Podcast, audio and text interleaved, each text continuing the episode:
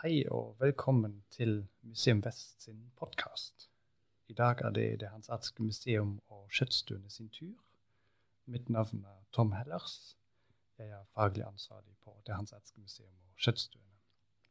Og I dag så har vi en gjest med oss. Det er altså Geir Atte Ersland. Han er professor på Universitetet i Bergen. Han er historiker. Så tusen takk at du stiller i dag og tar del i denne podkasten. Ja, takk for å bli invitert. Ja, og temaet i dag det er altså den hanseatiske handelen. Vi skal altså snakke om hvordan den foregikk, hva som ble handlet, når dette skjedde, og eh, ja, rett og slett finne ut av mer om denne spennende delen av eh, bergenshistorien. Og europeisk historie. Så det er ikke bare Bergen, men det er altså en viktig del av uh, den europeiske historien. Ja, og vi tror vi begynner helt basic. Og kanskje det første spørsmålet ville være hvem var egentlig disse hanseatene? Ja, de første hanseatene vi kjenner til, de, eh, de opererte i eh, Østersjøområdet. Det første Og Hansa var vel egentlig en typisk representant for det som er handelen i den tidlige middelalderen. Altså handelsmenn de reiser eh, over lange avstander med varene sine til fremmede havner, der de bytter i andre varer og tar med seg tilbake, eventuelt reiser til andre områder der de kan få bytte varene igjen i nye varer.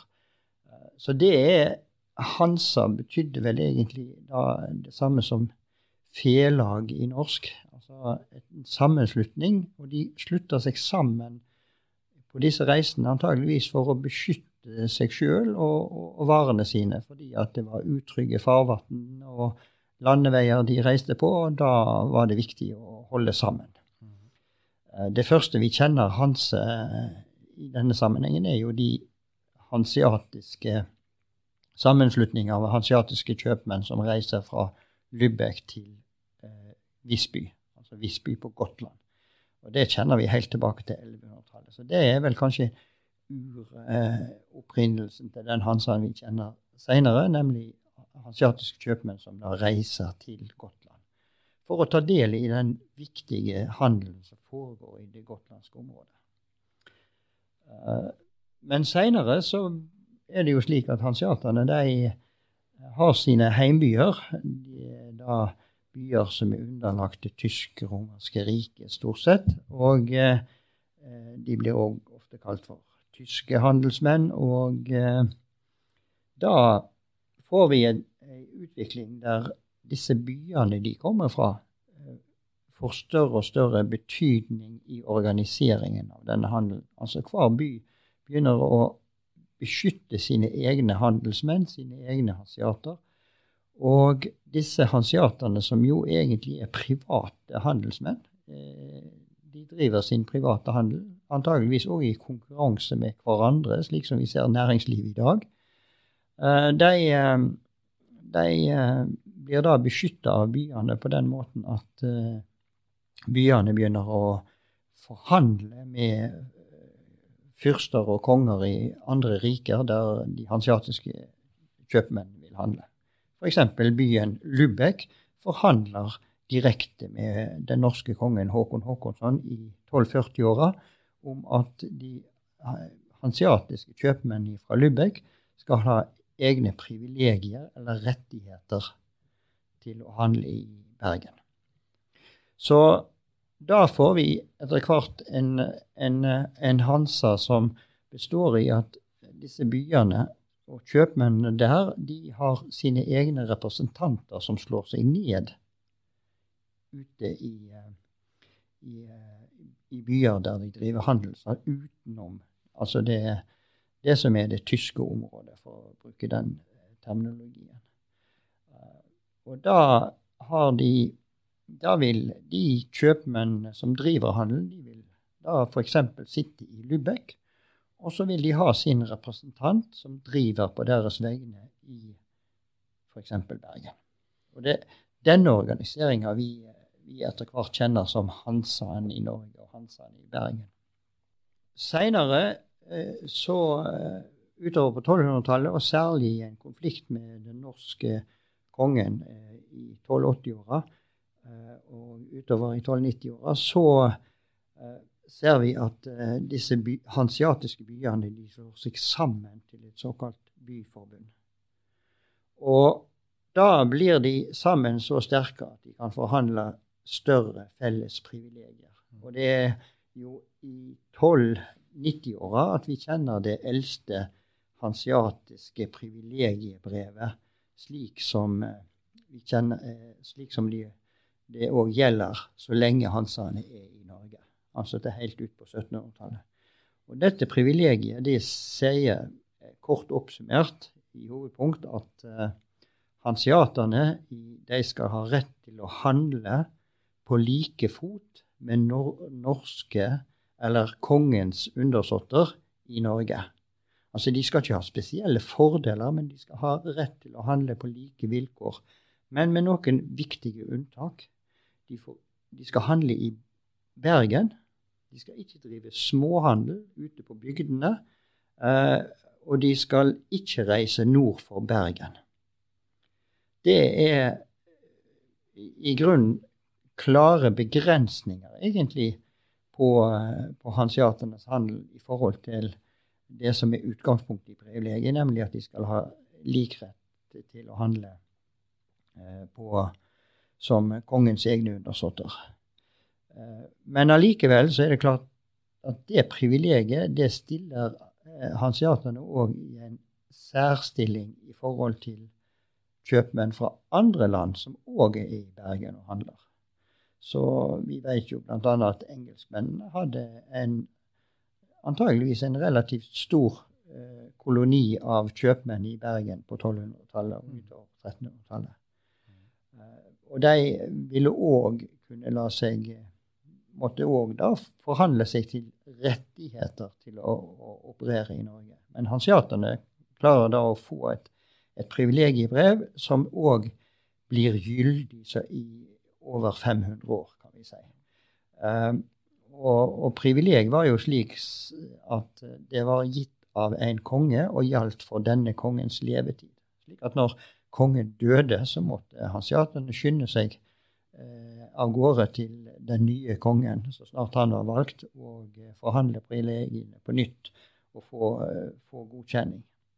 Så, så, dette var et ganske klart eh, viktig politiske eh, føringer på det, denne handelen. Som, men, men, da ble òg Hansa for eh, altså dette at de kunne slutte seg sammen i, eh, i et byforbund og, og, og, stå som en samla motpart til den norske kongen, òg viktig. Altså de ble, ble sterkere som forhandlere eh, når de sto sammen, enn når de sto én og én. Dette er jo noe vi kjenner fra fra andre sammenhenger òg som har med økonomi å gjøre. ikke sant? En, vi har jo det i næringslivet i, i, i dag òg, altså sterke parter som slutter sammen arbeidsgiveren i én blokk og, mm. og, og, arbeidstakeren i en annen blokk. Og dette fungerer bra, mm. stort sett i, i norsk sammenheng. Da. Så, så, så det, er ikke, det, er ikke, noe mystisk med de hansiatiske privilegiene sånn sett. Ja, skjønner jeg. Men hvis vi kanskje går litt tilbake til det du sa i begynnelsen, altså um, starten på Hansa-tiden. Um, kunne du kort uh, si hvilket uh, geografisk område dette gjelder? Altså hvilke deler av Europa dro de til? Ja, uh, det første, hvis vi ser på det som da etter hvert blir det store hansiatiske nettverket, det ser ut til å være gå i to retninger. Først og fremst innover i, i Østersjøområdet og mot eh, eh, Novgorod, altså det som i dag er i, eh, i Russland, eh, men som eh, i tidlig middelalder var, og i middelalderen var et eget storfyrstedømme, Nov Novgorod. Og byen Novgorod, eh, den var jo da kan vi si den, den store og viktige byen for dette området. Og her eh, hadde jo eh, eh, både nordmenn og, og ikke minst andre fra svensk og finsk område, og ikke minst fra Gotland, en lang tradisjon på å drive både handel og, og skaffe seg allianser. Vi ser jo f.eks. i sagaene om at de norske kongene ofte finner seg sine alliansepartnere og sine ektefeller i øst i det de kaller for Holmgard. Mm. Som jo er en forløper til Novgorod. Og, og, eh, og, her eh, Så dette var ikke ukjent område. Det var et viktig handelsområde i, en, i, en, eh, i, et, i det nordlige Europa, som, som frakta varer østfra og helt ifra Ja, det kommer jo opp over de store russiske elvene. Eh, Kobla seg på fjernhandelen mot Asia osv. opp den veien. Og kunne da føre varer vestover når de kom ut til Novgorod og innover i Eller og vestover i Østersjøområdet. Derfor ble Gotland så viktig. Og Gotland ligger midt i. Og derfor er det antageligvis òg at de første hanseaterne begynner å arbeide seg inn i denne handelen ved å reise fra Lübeck til Gotland. Og etter hvert så eh, går jo denne handelen kobler seg da videre utover gjennom Øresund og ut i Nordsjøområdet og mot England. Så da har du etablert ei, det vi vil kalle ei, ei fjernhandelsrute mm. som går øst-vest i det nordlige Europa. Og den kan vi sammenligne da med den fjernhandelsruta som den andre viktige fjernhandelsruta i Europa i middelalderen, som var langs Middelhavet. Mm. Øst-vest. Fra Midtøsten eller Orienten og mot Oksidenten, altså mm. mot, mm. mot Frankrike og, og, den iberiske halvøya.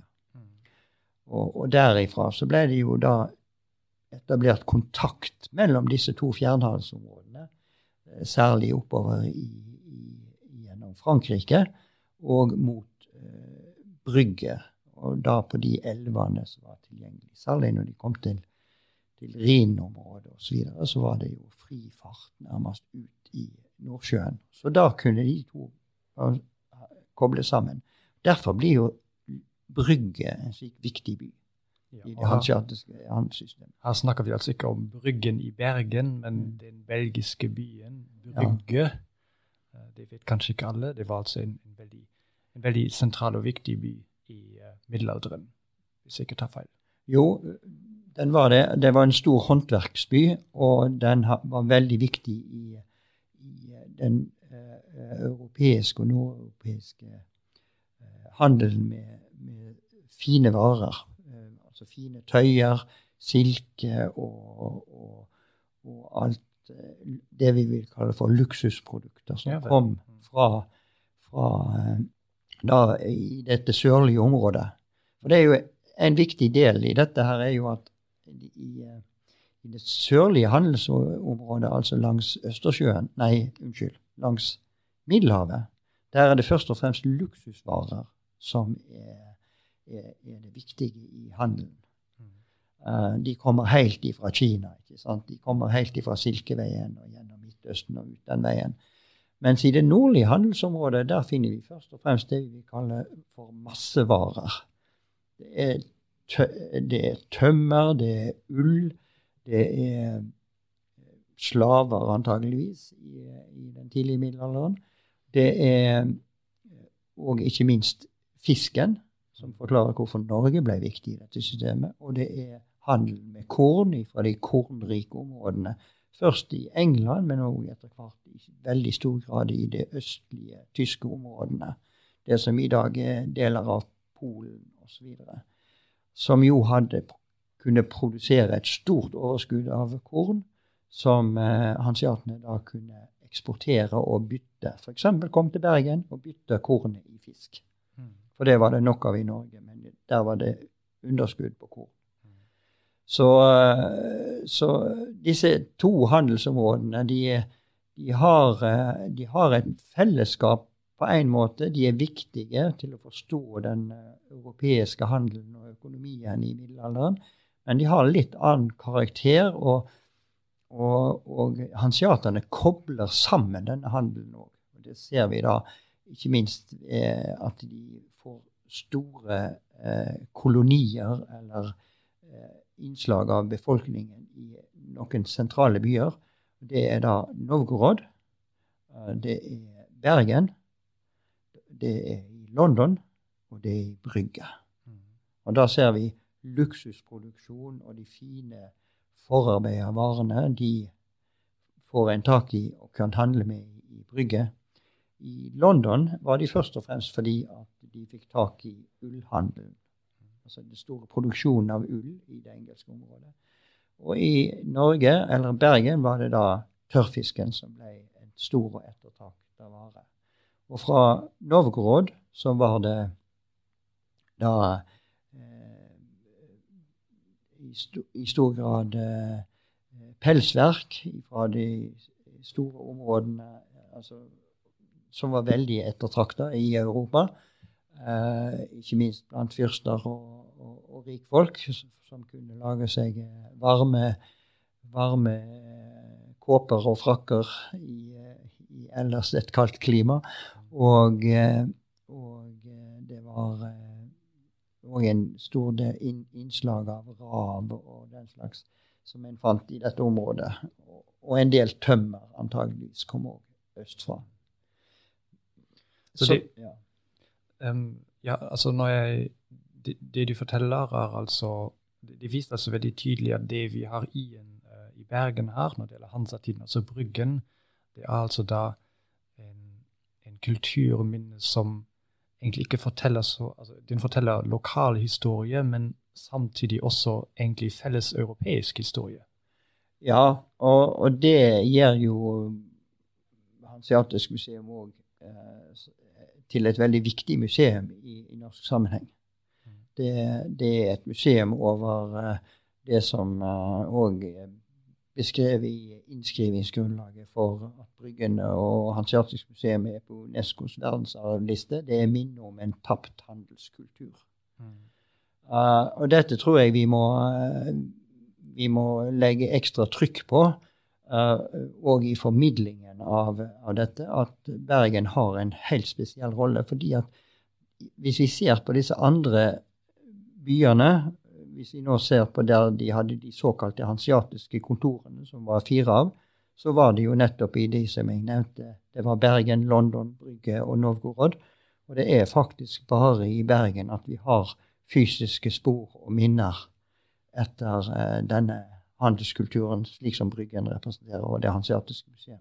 Mm. Så Bergen har en helt spesiell rolle, syns jeg, da, til å bevare dette minnet og formidle det eh, på en måte som, som, som, viser at dette er en del av en europeisk kulturarv. Du fortalte noe om de ulike varene eh, som ble altså handlet um, i de ulike altså, handelsstedene. Men jeg lurer litt på, det har jeg altså lest, at Eh, hanseatene de importerte øl til Bergen. Det syns jeg var jo litt merkelig, fordi hvorfor kunne man ikke produsere øl her selv i Bergen? Ja, det ble jo produsert eh, øl eller alkoholholdig drikk av forskjellige kvaliteter. Men uh, der, der, var det jo slik at, at nettopp pga. tilgangen på korn og, og råvarer til ølproduksjon, så lå jo Tyskland langt framme, for, eller de tyske områdene, de nordeuropeiske områdene. Så det var nok en, eh, en, en, grunn til at det ble eh, importert. Men jeg tror ikke vi skal legge veldig stor vekt på det, for det var nok neppe et stort innslag. Det var, eh, det var først og fremst kornet som var viktig for Norge. Og så klart det, det kom en del andre ting òg som en kunne bestille Eh, kanskje gjennom en tysk handelsmann på Bryggen. F.eks. I, i disse mange kirkene som var i Bergen, så må vi regne med at, eh, at uh, prester og osv. eller geistlige, kanskje biskopen, kunne ta kontakt med en slik kjøpmann og spørre om ikke han kunne uh, få tak i et uh, fint alterskap eller et, et helgenbilde og ta med til Bergen. og og, og, så skulle de da gjøre et oppgjør. Altså en slags bestilling. Mm.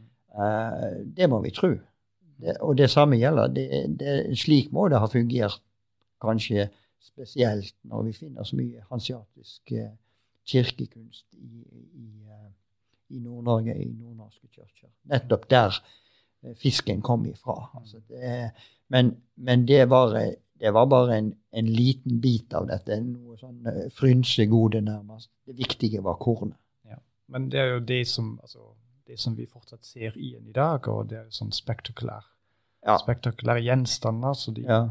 de kanskje gir oss et litt forvrengt bilde av denne handelen. Ja da, og, og, og, på samme måte, ja. Eh, det er et viktig kulturhistorisk spor etter handelen, men vi må ikke tro at det var det som gjorde at hanseaterne var her.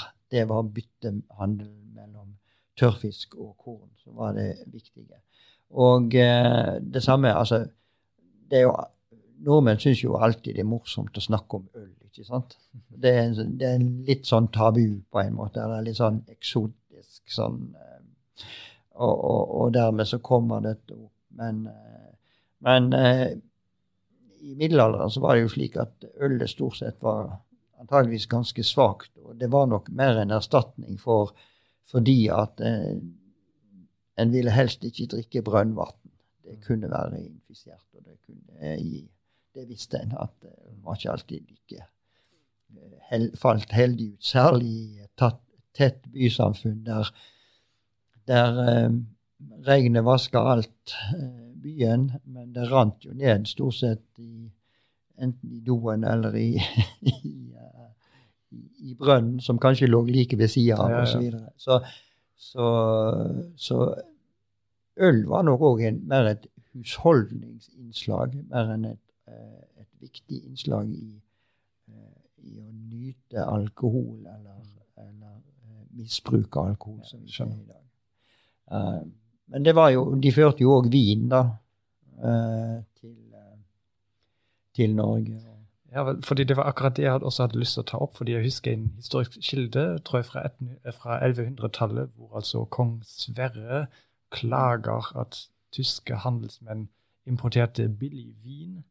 Det er jo egentlig veldig interessant. På den ene siden forteller det oss jo at de også importerte vin, og samtidig at allerede på 1100-tallet fantes det åpenbart tyske eh, handelsmenn i Bergen. Det er jo ganske ja. tidlig. Ja. Eh, ja, det stemmer, dette. Og og, eh, men det er òg vanlig å regne at dette er ikke det vi etter hvert kaller for hansiatiske kjøpmenn. Okay.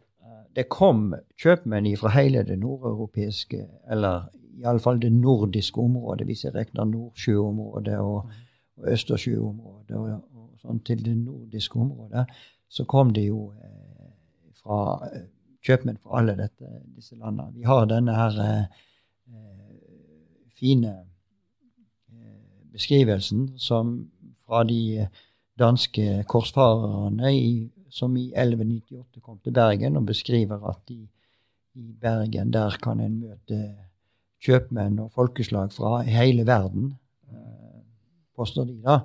Eh, men de nevner da islendinger og gotlendinger og skotter og engelskmenn og, og tyske osv. Så, videre. eh, så det er jo fra dette nordlige området sånn. Og så sier de at og her er det så mye, og, det, og, her kan du få tak i alle de fine varene hvis du vil ha silke og gull og alt fins i Bergen. Og fisk det er det så mye av at ingen kan verken veie eller måle eller telle det. Mm. Så, så, vi ser jo at allerede på 1100-tallet så er jo det etablert et handels... Men det, om det er hansiater Kong Sverre klager på på de tyske som fører vin, eh, og han vil heller at vi skal ha de engelske som fører inn korn eller nyttige ting til Norge. Men vi regner med at dette med vininnslaget det må være tyske kjøpmenn som kommer fra Rhinområdet og i Köln-områdene, der de faktisk produserte vin. Eh, det er jo ikke eh, så mange områder i Tyskland de produserer vin i, egentlig. og og du må ned i Rhin og Mosel og, og, og, den veien i de sørvestlige delene for å finne det. Så, og det, slik var nok tradisjonen i middelalderen. Så det er neppe hansiatene i den forstand. Og vi ser jo at hansiatene seinere gjør jo nettopp det som kong Sverre eh, vil. Altså, de fører nyttige varer til Norge.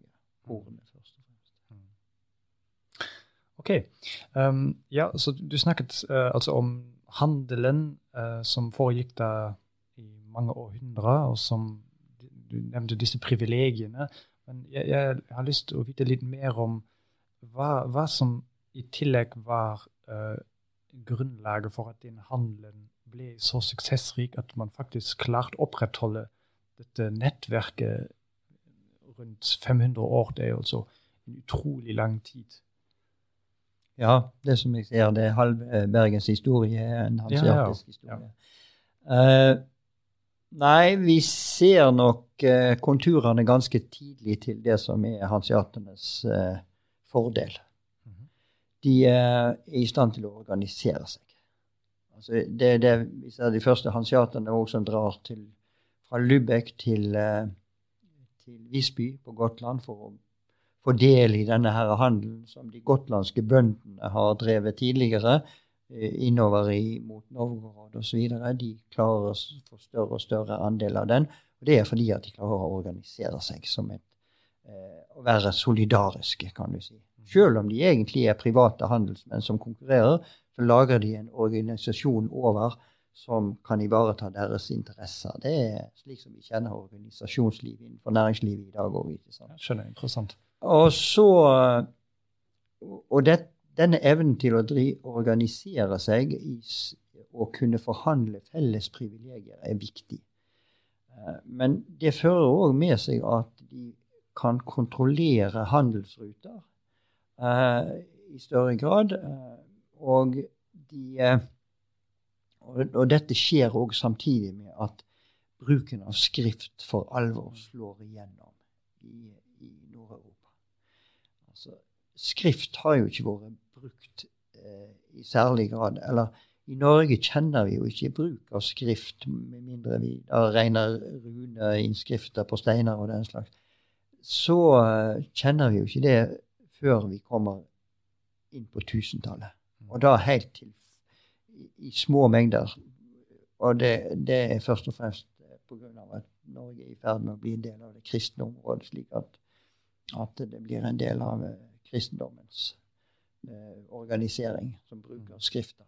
Men, men utover på 11 og særlig på 1200-tallet, så ser vi at nå, nå blir skrift brukt òg i privat sammenheng og i handelssammenheng. Og her er hanseaterne veldig flinke. De klarer nettopp å organisere handelen sin slik at de kan ha representanter, f.eks. i Bergen, der den egentlige kjøpmannen som styrer dette, han sitter da i en av de hansiatiske byene. I, i, norsk middelalder, ofte i Lübeck.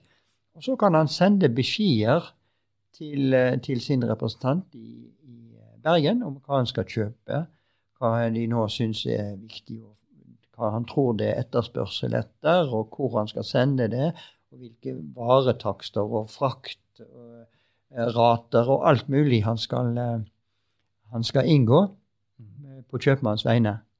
Og han kan sende regnskap. Altså slipper, de slipper unna det som vi ser det tidlige handelen, der kjøpmennene sjøl måtte reise av gårde med varene sine. Det er slik som i dag. ikke sant? At en, eh, en, I dag sender vi en e-post til en eller annen plass i verden, og så er det noen som pakker en pakke til oss, og så sender de den av gårde.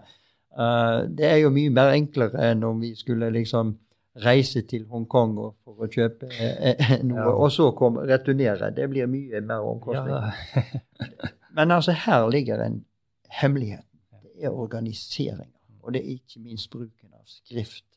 Det som uh, mange har historikere kalt for den europeiske handelsrevolusjonen på 1100-tallet. Mm. OK, men um, altså, det vil si de skrev brev massevis brev, sannsynlig. Men ja. jeg lurer litt på altså 1100-tallet, 1200-tallet, de skrev, skrev, de på latin, eller um, hva, hvilket språk pleide de å bruke? Ja Så På senere århundrer der var det jo vanlig å skrive på ja, nedertysk. Ja. Hanseatenes språk er jo stort sett nedertysk, iallfall de hanseatene vi kjenner i Bergen. Og det, det er jo eh, eh som talt eh, tysk, så brukte de nok nedertysk eh, langt inn på 1700-tallet. Ja. Men høytysk ble jo vanlig fra slutten av 1500-tallet i brev. Dette ser vi jo i arkivene, ikke minst i, i Lübeck, som har de store arkivene knytta til Hanseaten i Bergen. Eh, om de brukte latin, brukte de nok i stor grad til de offentlige eller de store de store eh, avtalene. F.eks. Eh, privilegiebrev og avtaler mellom fyrster og byråd i, i Lubek eller i andre Hansa-byer, mellom det som etter hvert blir det såkalte hansiatiske forbundet. Uh, men vi ser jo òg her at de uh, etter hvert uh, går over til å bruke nedertysk og etter hvert tysk. I Norge så er jo bruken av latin egentlig ganske begrensa ganske tidlig. Det er det, er det norrøne språket som, eh, som, er det alminnelige språket i bruket. og i F.eks. de norske Eller sagaen er jo skrevet på norrønt og ikke på latin, i motsetning til f.eks. Saxo i, i, Danmark, som, mm. som, skrev jo latin. Mm.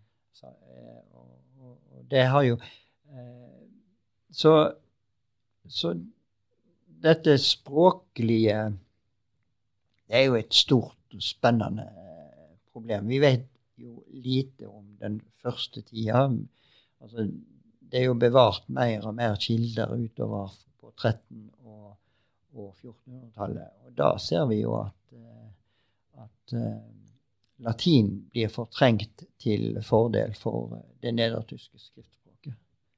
Mm. I, i, I vanlige da, eh, avtaler, men òg f.eks. i testamenter. Vi kjenner jo en mengde testamenter fra hanseatiske kjøpmenn som har handla i Bergen. og Der ser vi jo at de eldste fra 1300-tallet de er på latin. Men så går de over til å bruke nedertysk.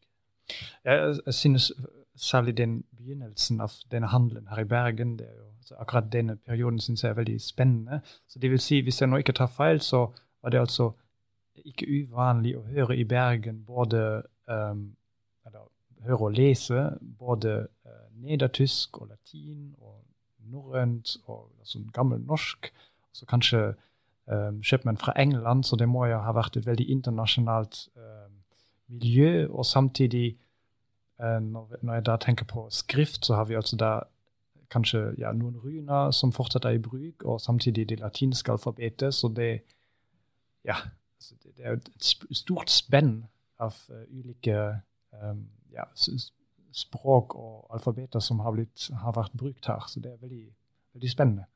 Ja, og, og, kunnskap blir viktig. Ja. Altså lese- og skriveferdigheter blir viktige kunnskapselementer for å bli en suksessfull eh, handelsmann. Ja, så Da måtte man jo faktisk så, være veldig språkmektig og være i stand til å lese ulike alfabeter og, mm.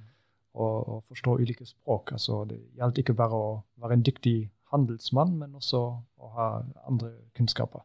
Absolutt. Uh, dette tror jeg er, er, et sentralt kulturhistorisk moment som vi må legge stor vekt på når vi skal formidle hanseatene. At, at det var et kulturmøte, dette her, mellom forskjellige språk, mellom forskjellige uh, lokale eller regionale kulturer i, i Nord-Europa. Selv om de hadde jo det til felles da, at de var underlagt stort sett den samme, de hadde den samme religiøse oppfatningen. Det var det ikke tvil om. Mm. De var alle underlagt den katolske kirkens dogmer. Men, eh, men for øvrig så, så, var de nok eh, forskjell på en nordmann og en, en, en, en kjøpmann fra Lübeck. Og, og både hans bakgrunn og erfaringer og, og, og så videre så var de nok veldig forskjellige, men da har de nok òg påvirket hverandre. Mm. Eh, og eh, kanskje mest i den forstand at, eh, at, Norge er blitt mer integrert i det europeiske en europeisk felleskultur, kultur, særlig knytta til kunnskap og lese- og skriveferdigheter osv. Så, så det vil si at handelen var en slags pådriver til denne utviklingen? Ja, det, det, det, kan vi nok si.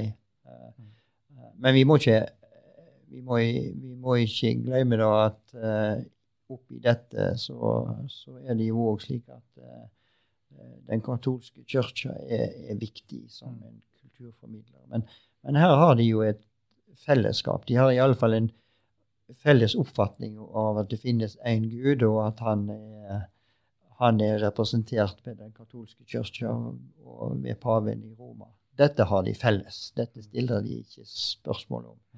Men, uh, men ellers så har de nok veldig forskjellige oppfatninger av, av mange, mange, spørsmål. Ja, OK. Um, nå, um, ja, vi snakket nå som sagt mye om handelen, og at det var en, en suksesshistorie. Men jeg er også interessert i å vite, um, eller å ta opp litt altså sånn krisetider. Fordi det har jo sikkert også vært tider hvor handelen ble eh, forstyrret eller blokkert osv. Så, videre.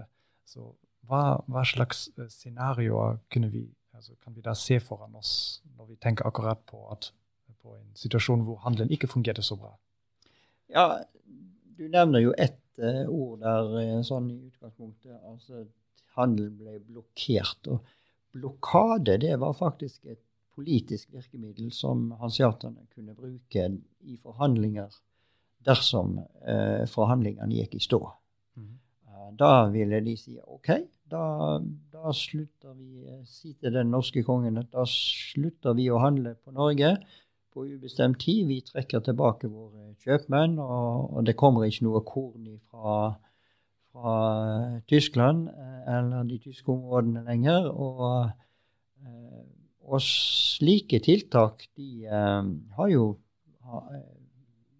ser jo ut til å ha fungert, i alle fall på, på, på 1200-tallet, da, da i, den perioden da denne privilegeringa vokste fram og tok den formen som den etter hvert fikk.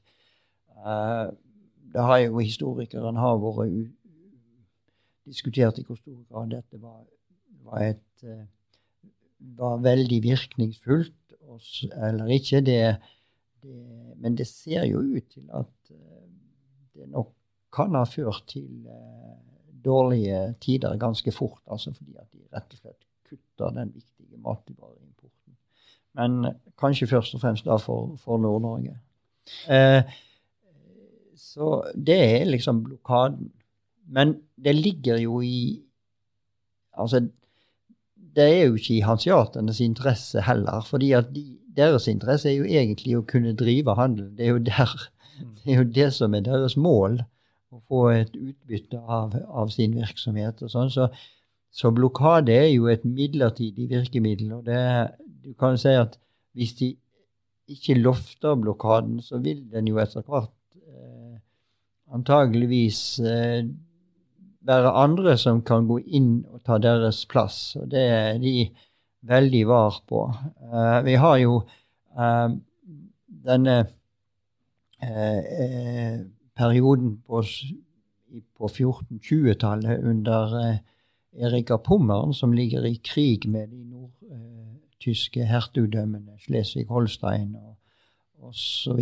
Og, og, og Mecklenburgerne. Og da går hanseaterne inn for en å trekke seg ut fra Bergen mens denne krigen pågår, for å legge press på, eh, på eh, den eh, norsk-danske kongen.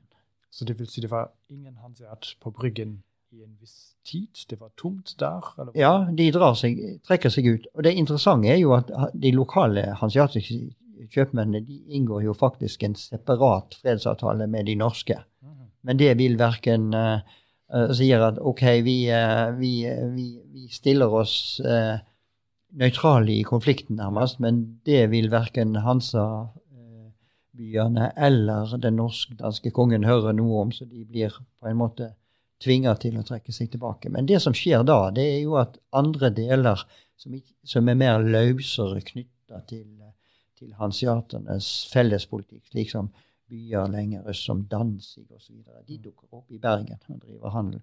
Og engelskmennene kommer inn og, og, og driver handel. Og, og, er i ferd kan, Det kan se ut til de er i ferd med å arbeide seg inn og overta Bryggen, kan du si. Oh, ja. så, det, det, så, etter tre år så, så er konflikten slutt, og da skynder hanseatene seg på plass igjen. Så, uh, og organiserer seg enda bedre enn før, for.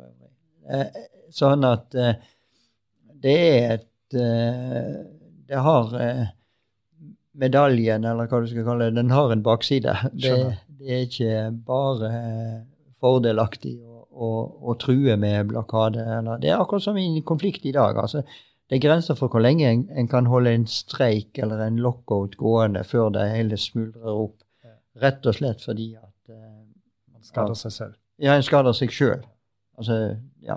Så det vil si at en handelsblokade var egentlig et slags verktøy i en krisesituasjon Ja. som man kunne bruke hvis det virkelig var nødvendig, men det var samtidig var det en viss trussel å bruke det altfor lenge, fordi da kunne man altså miste sin, sin stilling, så til si.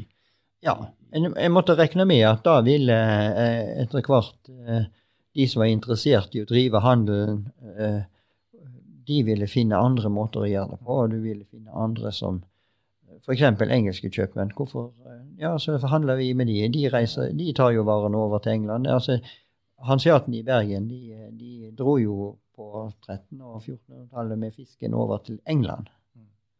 Og, og solgte den der. Og så handla de nye varer som de førte antageligvis til Brygge, og så tilbake igjen til Lübeck eller de tyske byene. Og så hen, fikk de mer korn som de tok til Bergen. Og så gikk jo dette i en slags runddans. Eh, men, eh, men det var gode muligheter for å importere korn fra England òg. Og da, da ville de hanseatene ha en konkurrent som, som veldig fort kunne erstatte dem. Ja. Okay. Ja, de måtte, måtte passe seg på. Um, og så en, en annen grunn hvorfor handelen kunne jo da bli forstyrret, det var jo altså da sykdom, sikkert. Svartedauden.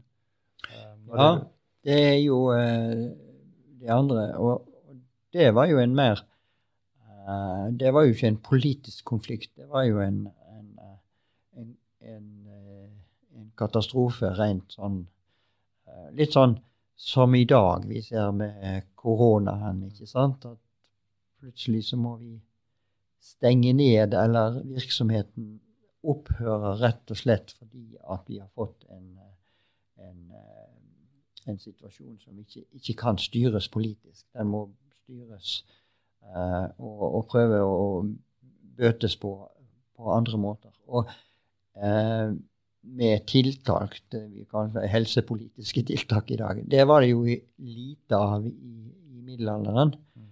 Uh, Iallfall uh, i, uh, i den tidlige tida med, med, med svartedauden osv. Etter hvert så lærer en seg jo til nettopp dette å, å, å gå i karantene og, Ah, ja. og prøve å begrense uh, sykdommen. Det, karantene det er jo noe som vi kjenner fra, fra Venezia. Da. Mm. Eh, 40 dager skulle en da holde seg i ro, slik at en kunne se om de hadde pest eller ikke. og hvis de hadde Så i dag er det bare to uker, så vi Ja. har det litt lettere i dag enn denne gangen. hvor man måtte... Ja, i dag vet vi mer om inkubasjonstid og hvor lang tid Ja. vi kan regne med før vi får et utbrudd eller ikke hvis noen er blitt syke og fått i seg dette. Ja, men det er interessant at de tok sånne grep. Det, Å ja, ja. Det, det, det lærte en seg ganske tidlig, Ja. de sammenhengene der. altså. Eh, eh, men eh, pesten kom jo til Bergen i, i, eh, i 1349. Og typisk nok så står det jo i, eh, i denne kilden vi har om dette skipet som kom til Bjørgvin, Mm. som alle har hørt om. Det, det, I originalkilden står jo at det er en kogge som kommer fra England. Og kogger det er jo et hanseatisk handelsskip. Så her er det vel kanskje en hanseatisk handel mellom England og, og Bergen som, som uh, slår igjennom, og, Mm. og sånn sett uh, viser at, uh, at denne kontakten mellom områder, det, det, det har sin bakside ved at når det oppstår slike farer som en smittsom sykdom, så, eh, så følger eh, smitteveien reiseveiene. Og det ser vi jo i dag òg. Vi stenger jo ned, og flytrafikken lider, og turismen opphører rett og slett fordi at, eh, Eh, det, vi, vi, vi, ser tydelig at eh, dette fører til veldig rask spredning over store områder. Uh, så Og en, det, det, som kan se ut til å være en konsekvens av, av pesten med svartedauden og de påfølgende pestene, det er jo at eh, innslaget av norske eh, direktehandel i, over Nordsjøen, den opphører. Mhm. Hansiatene tar over dette eh, i, i, større grad enn før. Og de, det er jo nå de da organiserer seg også som dette hansiatiske eh, fellesskapet av kjøpmenn som driver handel i Bergen. Det som vi ut utpå 1400-tallet ser blir organisert som det såkalte eh, tyske eller hansiatiske kontoret. Mm. Eh, så, så vi Det ser ut til iallfall at, eh, at pesten og pestbølgene og, og de konsekvensene det har for det norske samfunnet. fordi at det blir jo sterkt redusert befolkningsmessig og, og økonomisk. Eh, det kan ha vært med til å, å, å, gjøre det enda mer nødvendig for nordmenn, og ikke minst fiskerne i Nord-Norge, til å ha ei gruppe handelsmenn som kunne organisere og motstå de katastrofale konsekvensene som pesten påførte.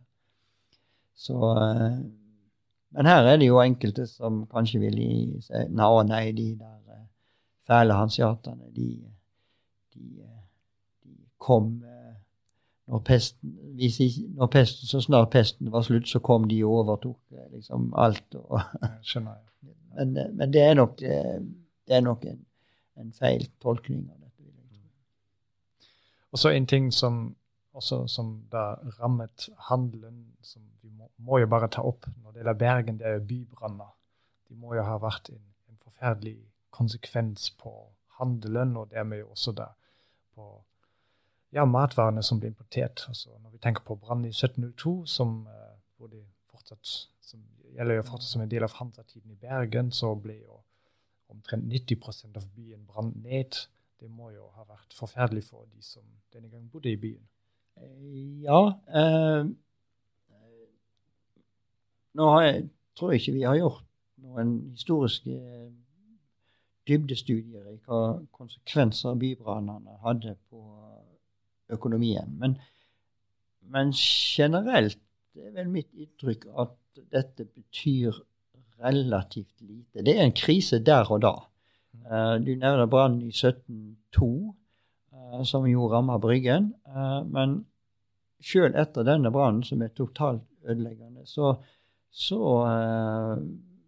bestemmer da de hansiatiske kjøpmennene i, i, Bergen, og i samarbeid med sine eh, kjøpmenn i, i, eh, i, de tyske hansabyene, at de skal gjenreise det som før. Mm. Og føre handel videre som før. Og det gjør de. Det tar, det tar litt tid. Eh, det tar noen år før de har gjenoppbygd eh, alle husene osv. Men det ser ikke ut som dette fører til noen knekk for handelen i så måte. Og det enda mer interessant er vel dette å se det i forhold til den store brannen i 1476, som jo eh, var den forrige gangen eh, Bryggen brant ned. Eh, og da er det jo spesielt Bryggen som blir ramma, da. Eh, det er faktisk eh, noen hansiatiske kjøpmenn og giseller som eh, blir utpeka som syndebukker, mm. som jo starta brannen. Rett nok skal de ha vært litt eh, bedrukne.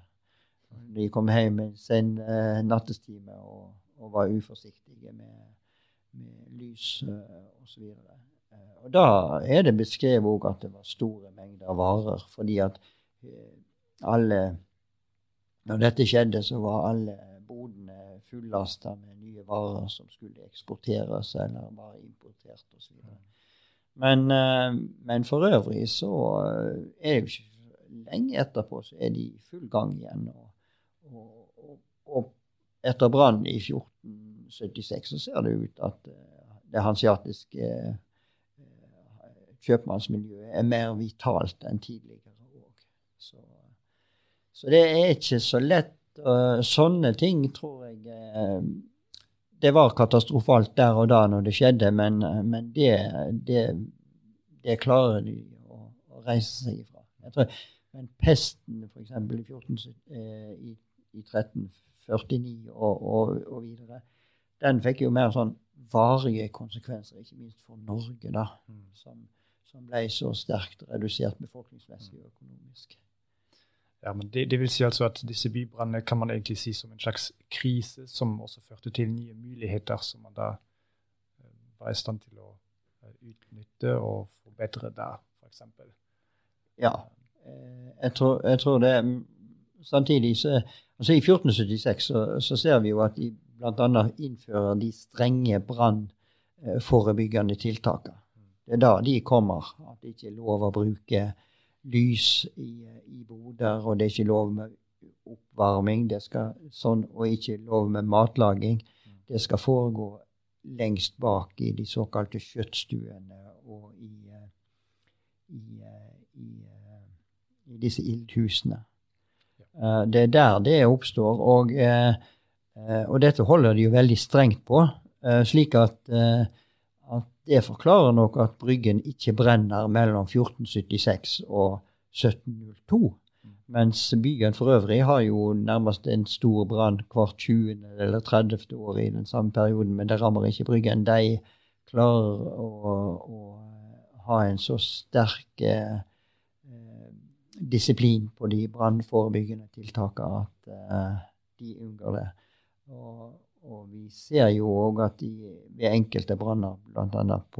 Tidlig på 1600-tallet, så er jo eh, hanseatene eller Bryggen, en slags redningsplanke òg for de brannlitte eh, bergenske borgerne som, som blir ramma av brann. At eh, hanseatene tilbyr de eh, plass og lagre varer midlertidig osv. Det, det er jo litt morsomt å høre, fordi i dag anser vi jo altså trebebyggelsen i Bergen og Bryggen som det som var mest truet av brann. Og mm. så var det altså for noen hundre år siden litt annerledes. Ja, altså de, eh, etter brannen i 1476 så lager de jo såkalte eh, åpne områder, øde tufter. Eh, han sier at han leier jo grunnen av norske eiere, eller norske, det er stort sett norske jordeiere, enten de er geistlige eller kirkelige eller verdslige aristokrater som eier grunnen på Bryggen. Mm. Og den eiendomsretten den gir de aldri fra seg, så hanseatene må betale en årlig leie for å leie grunnen de bygger på. Uh, og etter brannen i 1476 så, så, tenker de at vi må skape uh, åpning i bebyggelsen, slik at uh, eventuelt brannspredningen ikke skjer så fort. Mm. Det som vi senere ser byen for øvrig lager ved de såkalte brannallmenningene, som blir vanlige fra på 1500-tallet etter de større brannene i byen, på strandsiden osv. Uh, og da uh, ser jo uh, hanseaterne, eller det kontorske fellesskapet, et problem i at de må jo, hvis de ikke blir enige med grunneierne om, om, en minnelig ordning, så vil jo de si at nei, da må vi få leie ut til noen andre. Eh, så, så da ser vi at kontoret i fellesskap tar på seg å betale denne leien, eller denne grunnleien som blir talt for disse tomtene som blir lagt, liggende ubygde. Eh, så skjer jo det som ofte skjer da seinere, at, eh, at kontoret sjøl, som da betaler den årlige leien til de norske grunneierne, de, de har dårlig eh, økonomi, og det er gått litt lang, tid ut på 1600-tallet, lenge siden siste brente. Og så begynner de å leie ut disse ødetuftene til andre hansiater som setter opp i boder der. Så når brannen i 1702 kommer, så er det antageligvis det som skulle være beskyttelsen ved disse brannallmenningene de hadde laga på Bryggen. De er nå tettbygd av boder som de sjøl har leid ut, og så, og så, går det sånn som så så vi vet gikk det brant ned alt sammen. Her avslutter vi nå den eh, første delen av podkasten. Jeg sier tusen takk til Geir Atle så langt. Neste delen handler om myter som finnes om Hanseaten i Bergen, og om Hansa-forbundet generelt. Velkommen tilbake til neste del av denne episoden.